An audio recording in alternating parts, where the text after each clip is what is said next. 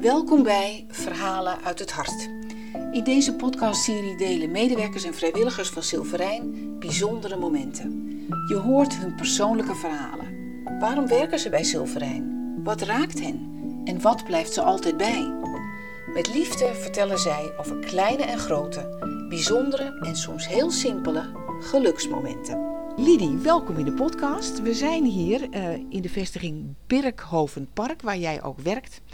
En je gaat ons twee verhalen vertellen. Het eerste gaat over, oh ik vergeet nog te zeggen, je bent coördinator vrijwilligerswerk en coach ontmoetingscentrum. Ja. Het eerste verhaal gaat over een mevrouw, het tweede over een meneer. We beginnen met het verhaal over die mevrouw. Oké, het verhaal over die mevrouw.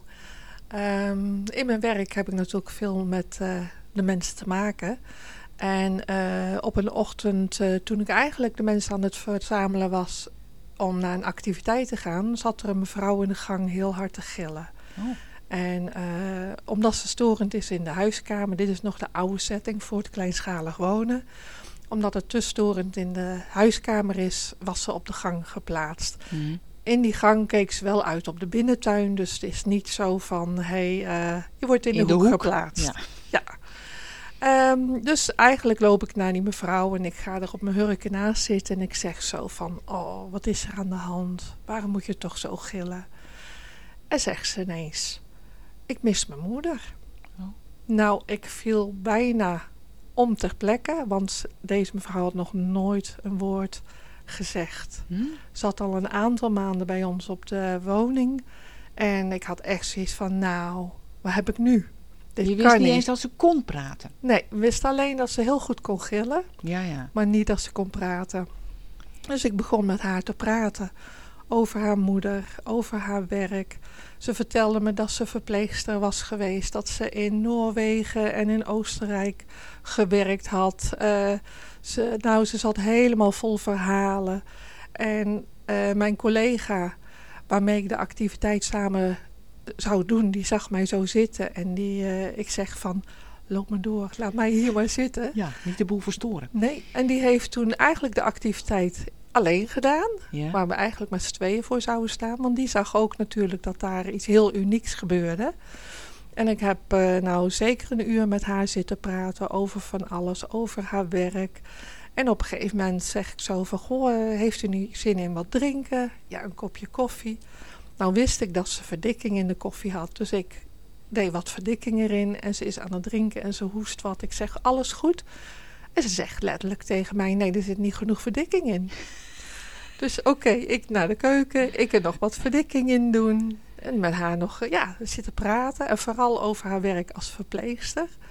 Nou, en dit was zo... Ja, dit zal, in mijn zal ik van mijn leven niet meer vergeten. Uh, maar dit was heel uniek.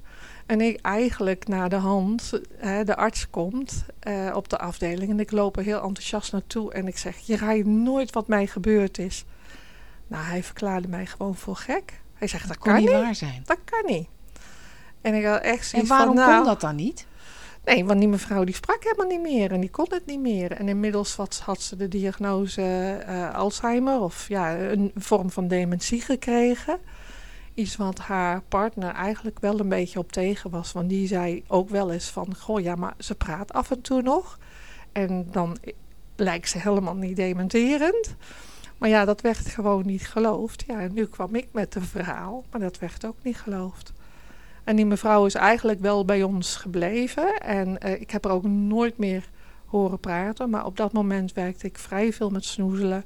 En dan ging ze ook altijd met mij in de snoezelruimte. En dan voelde ik, merkte ik gewoon dat ze ontspannen was en uh, gelukkig. En dan da, had ik toch zoiets van, goh, sowieso dat ik het heb mogen meemaken.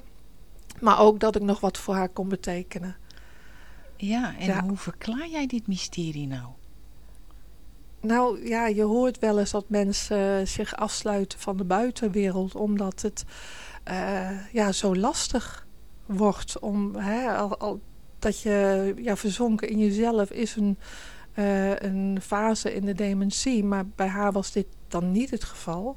Maar ik denk wel dat er iets daar bovenin gebeurde... waardoor zij het heel moeilijk vond om uh, zich te uiten.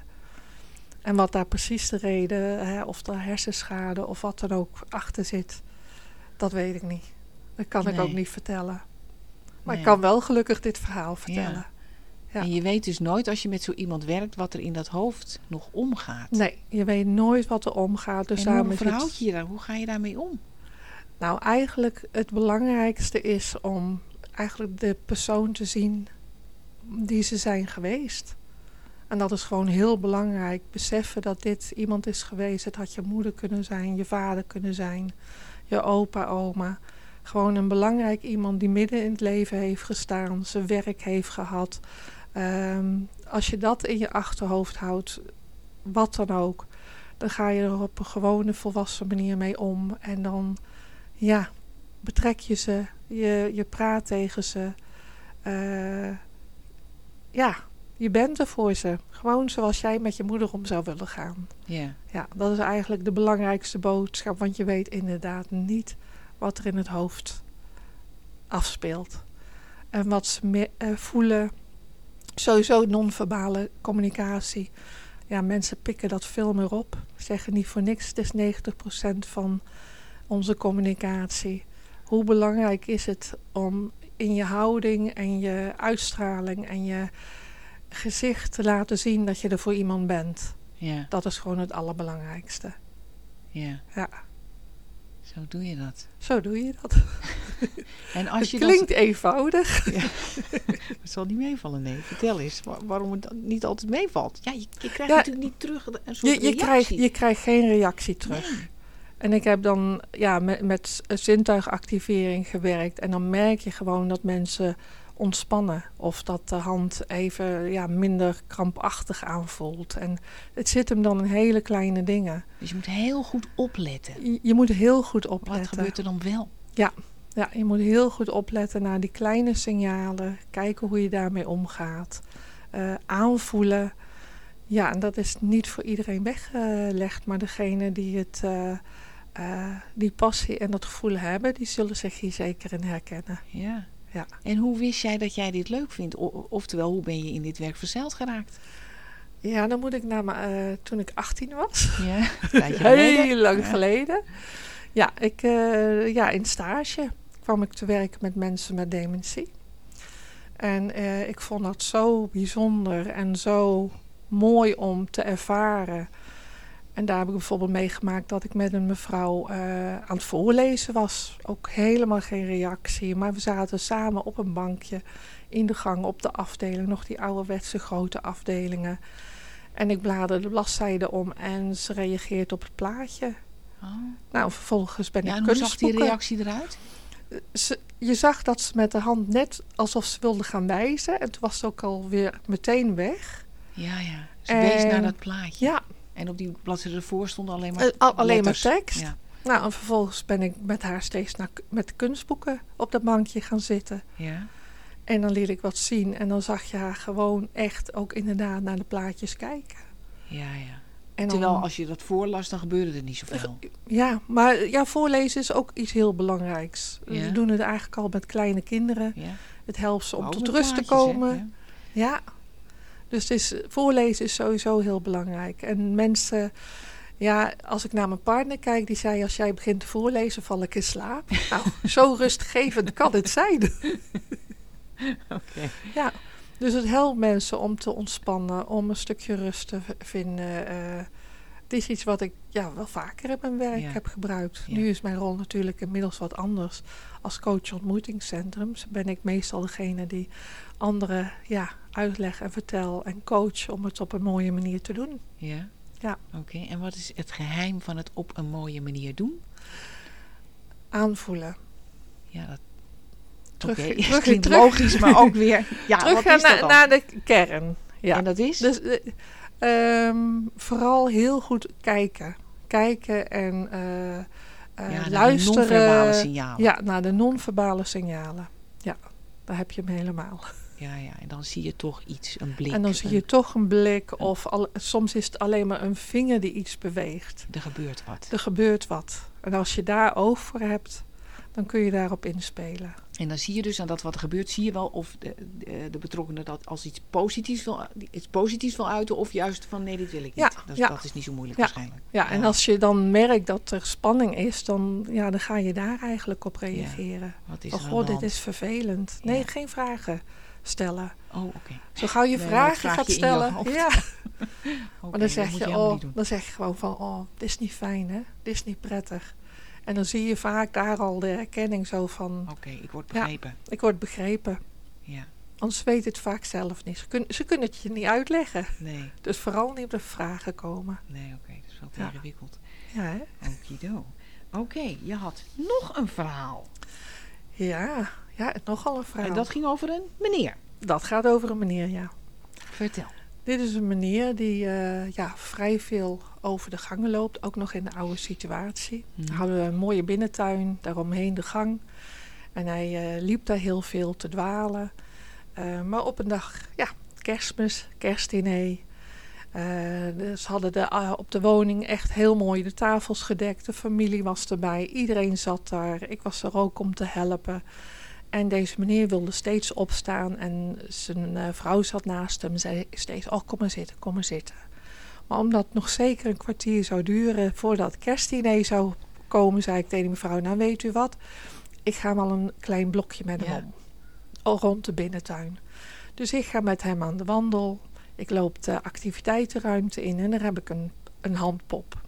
Een Ja, hele... Leg even uit wat een handpop is, voor wie Een, een handpop, dit, dit is een stoffen pop eh, met een ja, best een karakteristieke kop.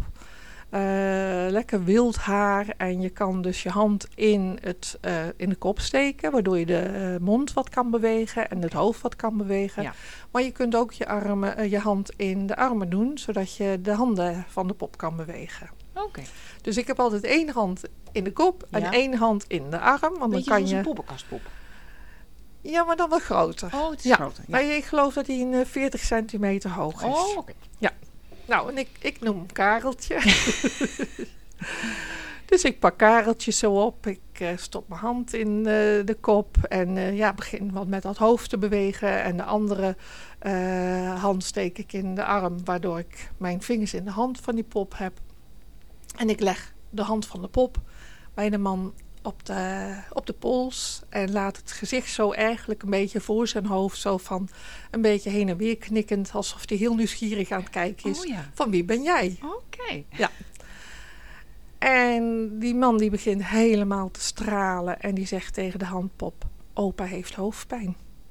Oh. Dus ik met mijn stem. En die pop ondertussen laten bewegen. Zo van, goh, heeft u hoofdpijn? Wilt u een tabletje? Ja. Ik zeg, kom, dan gaan wij samen naar de verpleegster en dan gaan wij een tabletje halen. Ja. En heel rustig lopen wij terug naar de afdeling en ik naar de zorgmedewerker. Ik zeg, goh, meneer heeft zo'n hoofdpijn, die wil graag paracetamol. En de verpleegster kijkt me aan van, alsof ze water ziet branden. Hoezo? Nou, hoe dat zo? Ik zeg, nou, dat Oh, maar vertelde hij me net. dacht dat het een spelletje was of zo. Ja, die, die dacht het onzin, want die, die man die sprak ook niet. Dit was ook Ja, ja. iemand met Oh, dementie die eigenlijk Mhm. niks zegt. Ja, ja. En eh, dus die kijkt me echt zo aan van, nou, het zal wel. Ja. Dus ik vertelde wat er gebeurd was. En toen zegt ze, oh, oh, ja, maar dan ga ik gauw paracetamol Ja. halen.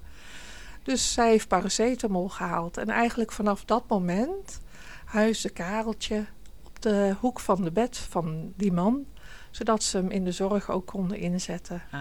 En op die manier heeft Kareltje eigenlijk tot eh, het eind van de dag van deze meneer een dienst bewezen. Dus als het Kareltje liet praten, dan zei hij wat terug. Dan, dan reageerde hij meer. Ja. Hij sprak niet altijd, maar hij reageerde wel meer en hij noemde zichzelf dan altijd opa. Ja. Dus hij zag het eigenlijk, Kareltje, als een kleinkind. Ja, Ja.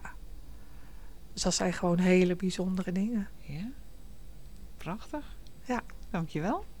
Graag gedaan.